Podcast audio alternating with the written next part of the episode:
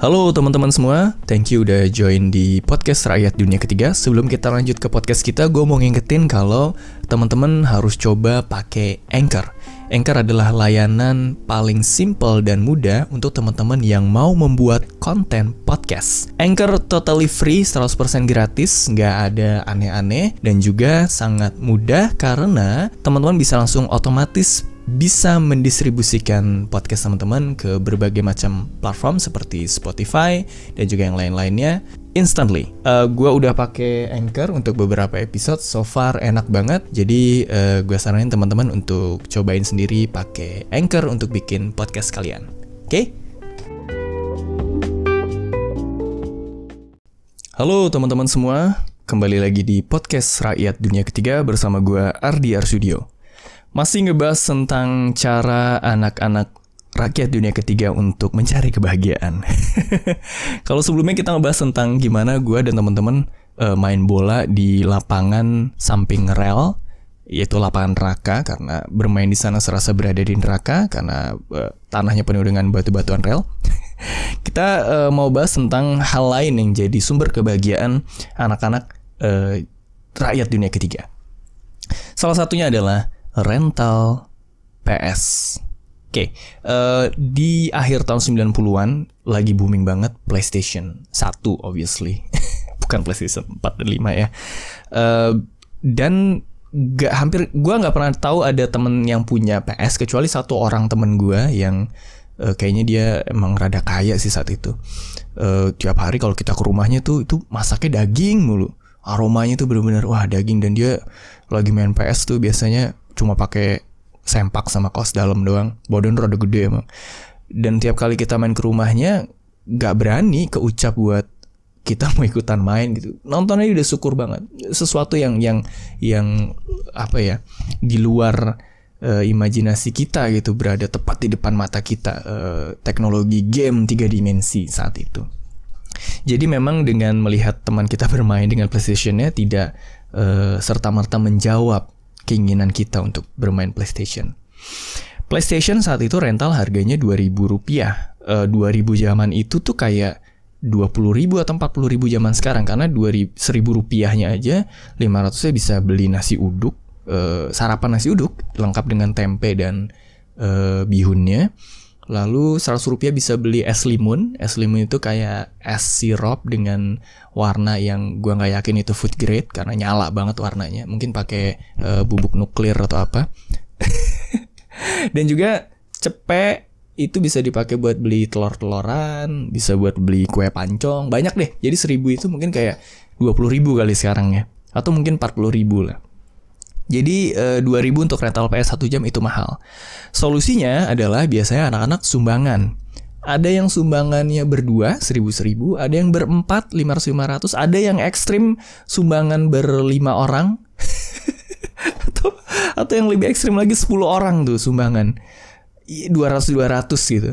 Uh, saking nggak nggak nggak nggak apa ya nggak terjangkaunya dulu harganya bagi kita. Karena singkat gue dulu jajan tuh teman-teman ada yang 500 ada yang 700 ada juga yang 1000 tapi nggak banyak dari kita saat itu yang sanggup buat berlama-lama tidak jajan berhari-hari nggak jajan untuk sumbangan rental PS akhirnya kita mutusin buat nyari tahu adakah cara untuk mendapatkan uang sampingan di luar uang jajan Lalu terdengarlah uh, sebuah info kalau ada masjid terdekat mungkin sekitar 300-500 meter dari rumah gua dan Iko, sepupu gua, yang membutuhkan jasa gulung tikar, lipat sejadah, dan kotak amal. Nggak, kotak amalnya nggak dilipat maksudnya, di, di, disebarin uh, akhirnya waktu salat Jumat kita putusin buat datang ke masjid itu karena itu emang masjid yang kita sering uh, salat Jumat gitu. Lalu penjaganya bilang, ya ini uh, mau nggak bantuin gitu. Jadi kita nggak disuruh buat ngelipetin semuanya, tapi buat ngebantuin aja. Uh, kita mau banget upahnya satu orang seribu rupiah, wah pas banget. Seribu buat Iko, seribu buat gue, kita bisa main PS dua ribu satu jam. Uh, akhirnya kita mengiyakan kita gulung tikar, sejadah, ngeliling kotak amal, kita datang sebelum orang-orang datang sholat Jumat, kita pulang sebelum uh, eh kita pulang setelah orang-orang pulang sholat Jumat. dapatlah 2000 pertama kita. Wah, dengan bahagianya kita naik sepeda. Sepeda Iko, gue dibonceng, bukan dibonceng di tempat boncengan, tapi di depan. Sangat aneh dan terlihat tidak layak. kita jalan ke Halina. Halina ini uh, toko ATK yang menjual uh, peralatan sekolah. Tapi juga di atasnya adalah rental PlayStation. Karena lagi booming banget saat itu, jadi banyak toko atau usaha yang merangkap sebagai rental PlayStation. Singkat cerita, gue uh, sama Iko rental PS berminggu-minggu dari hasil gulung sejadah, lipet tiker, dan kelilingin kotak amal. Yang jadi masalah adalah ada satu keadaan di mana tiba-tiba waktu gue sama Iko datang mau ngelipet uh, sejadah dan tikernya itu, kita dibuat shock dengan sejadah dan tikernya sudah rapi. Wah, kita bingung banget nih. Kok udah rapi ya? Kenapa ya? Apakah si penjaga sudah tidak butuh jasa kita? itu kita bertanya-tanya sepanjang soal Jumat bertanya-tanya mata kita melihat ke sana sini mencari siapa pelakunya. Sampai uh, soal Jumat selesai, ternyata satu teman kita, satu teman sekolah agama kita namanya Faisal, anak uh, tukang sate Padang, dia ngelipetin sejadah, tikar dan kotak amal. Wah, di situ hati kita campur aduk Ternyata sumber penghasilan kita diambil begitu saja di depan mata kita. Oleh anak yang selalu gue chok slam. Lu tahu chok slam gak sih? Chok slam tuh gerakannya uh, Undertaker sama Kane tuh di Smackdown. jadi dicekek terus dibanting gitu. Gue dulu suka banget main Smackdown dengan menggunakan teknik itu gitu. Gue gue ceritanya gue Ken dulu alternya. Lalu si Iko tuh Undertaker. Jadi kita the brothers of destruction. Dan Faisal salah satu korban kita saat itu. Karena dia ada kelas badan lebih kecil jadi ya jadi inceran tapi kita nggak nggak nggak nyiksa kok kita bohongan doang nggak pukulan atau nendang bener anyway singkat cerita kita marah banget tapi kita nggak ngambil tindakan saat itu. Besoknya Senin kan e, Jumat Sabtu Minggu libur sekolah agama. Senin kita sekolah agama lagi kita intimidasi habis-habisan si Faisal karena telah merenggut kebahagiaan kita, sumber pendapatan kita untuk main PS. Iko sih nggak terlalu inilah, tapi gua tuh yang bener-bener ya Allah jahat banget ya. Itu bener-bener kita kita smackdown kita uh, sampai sampai bener-bener sebel lah ya. Sampai kira gue tahu begitu jam istirahat, Faisal ini punya adik, dia juga punya tetangga yang sama-sama orang Minang juga. Betul gue juga orang Minang sih. Yang uh, lebih muda dari dia namanya Roni. Nyokap itu punya uh, masakan Padang juga gitu.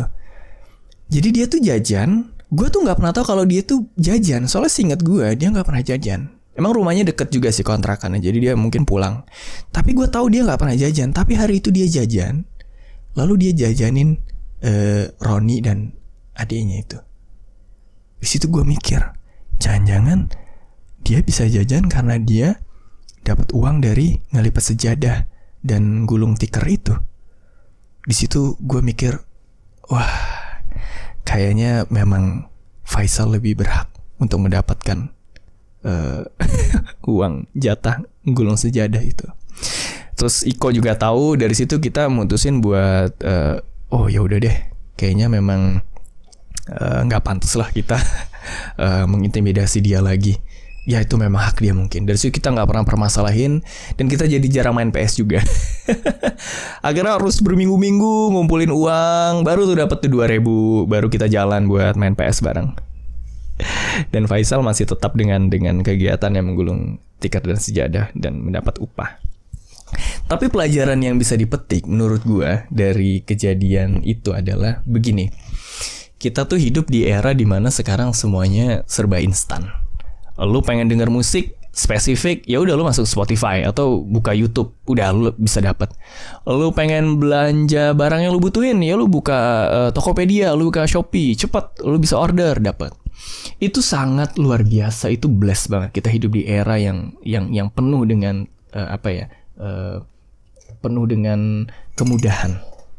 Tapi ada satu masalah Instant gratification membuat kita tidak terbiasa berada dalam keadaan di mana jarak antara effort dan rewardnya itu cukup uh, panjang. Begini, gue sering banget denger uh, komplain gimana temen-temen tuh punya ponakan atau punya anak yang eh, nggak uh, bisa bertahan lama untuk suatu hal. Misalnya disuruh sabar uh, nungguin masak, itu nggak bisa. Ngamuk-ngamuk langsung, wah meronta-ronta tantrum dan sebagainya karena mereka terbiasa instan. Mau pesen apa pun instan, mau mau dengerin musik, mau nonton film, mau belanja barang instan. Bukan suatu hal yang buruk, tapi kalau tidak diimbangi dengan hal kebalikannya, yaitu delayed gratification, bakal bahaya. Bukan cuma buat anak-anak, tapi buat orang dewasa juga. Bayangin, berapa banyak orang-orang yang sebenarnya sekarang dituntut berada dalam keadaan uh, yang mengharuskan untuk apa ya, menunda uh, reward. Karena misalnya gini, lu kerja di di kayak gue, gue gue tuh di animator, illustrator, gue harus ngerjain animasi berhari-hari, berjam-jam supaya dapat hasil akhir berupa animasi. Kalau buat klien ya akhirnya dikasih ke klien dan mereka bayar atau kalau buat gue pribadi personal project berarti ya gue post dan dapat dapat feedback dari penonton. Itu butuh waktu lama. Kalau kita terbiasa dengan instant gratification yang jarak antar reward dan effort dan reward itu pendek banget, secara nggak sadar kita membangun habit. Gue dicerita gimana pentingnya habit dan efeknya uh, pisau bermata dua ya habit di mana lu nggak terbiasa untuk sabar, konsisten untuk uh, menghasilkan sesuatu yang jauh lebih baik, yang effort dan rewardnya lebih panjang, gitulah. Jadi uh, menurut gua kalau kalau gue pikir lagi dulu-dulu tuh kita tuh biasa loh uh, delayed gratification tuh memang sesuatu yang yang memang memang apa ya? Bukan bukan karena kita aware juga tapi ya kita berpikir memang seperti itu untuk mendapatkan reward, uh, reward lu perlu effort. Jaraknya lumayan jauh, lu perlu nabung, lu perlu jualan. Gue kenal anak-anak SD, SMP yang mereka tuh dari kecil udah biasa jualan gitu loh. Uh, karena mereka mau beli barang yang mereka mau, mereka mau mainan, mereka mau boneka, mereka mau Tamiya yang mereka mau. Dan itu baik menurut gue. Bukan berarti kita harus meniadakan instan uh, access yang kita punya sekarang. Enggak, gue nggak bilang begitu. Itu bless banget. Lu bisa telepon orang tua lu dengan cepat, lu bisa kabarin temen lu dengan cepat dengan teknologi yang ada sekarang. Tapi maksud gue adalah seperti juga hukum equilibrium, uh, hukum kesetimbangan. Tiap segala sesuatu yang diambil itu dile untuk melebihkan hal yang lain. Jadi hal yang dilebihkan itu adalah hasil dari pengambilan atau pengurangan di sisi yang lainnya. Jadi uh, mungkin lebih bijak buat kita uh, menyeimbangkan instant gratification dan delayed gratification. Beberapa tips yang bisa dilakukan, ini yang gue juga personally lakukan adalah satu, coba bikin personal project. Entah itu membuat cerita singkat, membuat video, konten video di YouTube, atau membuat uh, carousel posting di Instagram yang proses itu membutuhkan waktu, mungkin 2-3 hari. Atau mulai dari beberapa jam dulu deh, membutuhkan waktu 2-3 jam sampai jadi kontennya. Uh, itu aja menurut gue udah lumayan ngebantu uh, buat nyimbangin uh, instant gratification yang biasa kita dapat, ya. Karena ada ada jaraknya tuh antara lu pengen bikin konten sampai lu bener-bener bikin kontennya satu-satu lu lakuin sampai kontennya jadi. Itu aja udah udah ngebantu banget. Hal lain yang bisa lo lakuin, coba ikut volunteer. Volunteering itu keren banget. Di samping lo bisa ngebangun persepsi baru, uh, lu juga bisa ngerasain gimana sih proses berkembang yang sebenarnya. Karena berkembang itu kebanyakan orang nyangkanya perkembangan itu kayak linear gitu. Padahal yang gue juga bahas di di beberapa komik gue ada istilahnya plateau of latent potential. Jadi lembah uh, tertundanya potensi. Orang tuh nyangka grafiknya itu benar-benar sama ke atas gitu. Padahal nggak ada saat di mana lu ngerasa stuck, ngerasa nggak ada perkembangan. Padahal itu bagian normal dari sebuah uh, perkembangan. Hal lain yang bisa dilakukan lagi adalah dengan coba bikin checklist untuk short term and long term goal. Checklist short term goals se sesimpel ini. Oke, okay, gua mau nyuci kamar mandi, bersihin kamar mandi uh, checklistnya apa? Lu harus siapin sikatnya, lu harus siapin uh, sabunnya, harus siapin airnya. Itu kan lumayan makan waktu tuh. Mungkin sih cuma setengah jam atau 45 menit. Tapi dengan lu sadar, lu aware, prosesnya perlu jarak antar effort dan reward. Secara nggak sadar lu ngebangun habit yang menyeimbangi instant gratification yang biasa lu, lu dapat. Itu kerasa banget sih di gue. Uh, bahkan salah satu content creator favorit gue, director dari uh, minimalism uh, series di Netflix, eh gue nggak tahu sih series atau enggak sekarang jadinya karena baru mulai lagi. Uh, itu dia pakai checklist untuk semua proses uh, produktivitasnya. Jadi bukan cuma bikin konten video, tapi bahkan dia kalau mau pergi pun checklistnya tetap dipakai. Dan checklist ini juga secara tidak sadar membantu kita untuk meng, uh, mengurangi beban mental untuk mengingat banyak hal uh, multitasking downside-nya adalah membuat kita tidak fokus pastinya dan checklist membantu mengurangi beban untuk mengingat supaya kita bisa tetap fokus. Itu salah satu hal yang bisa kita lakukan. Oke, itu dulu uh, sedikit pembahasan dari uh, podcast kita kali ini. Podcast Rakyat Dunia Ketiga bakal kembali membahas hal-hal yang uh, penuh keunikan dan keintrikan Oke, intrikat tuh bahasa gak sih? Penuh dengan eh, hal-hal unik dan intrik yang hopefully bisa kita ambil manfaatnya, kita bisa pelajari uh, hikmahnya seperti yang kita lakukan hari ini. Thank you banget udah dengerin podcast Rakyat Dunia Ketiga. Uh, jangan ragu untuk DM gue soal kritik, saran, atau bahkan pengalaman di Instagram ataupun Twitter gue ardi.arsudio. Uh, pesan gue tetap jaga kesehatan, tetap uh, jaga imun, iman dan aman. stay safe, stay healthy and stay awesome as always. Bye.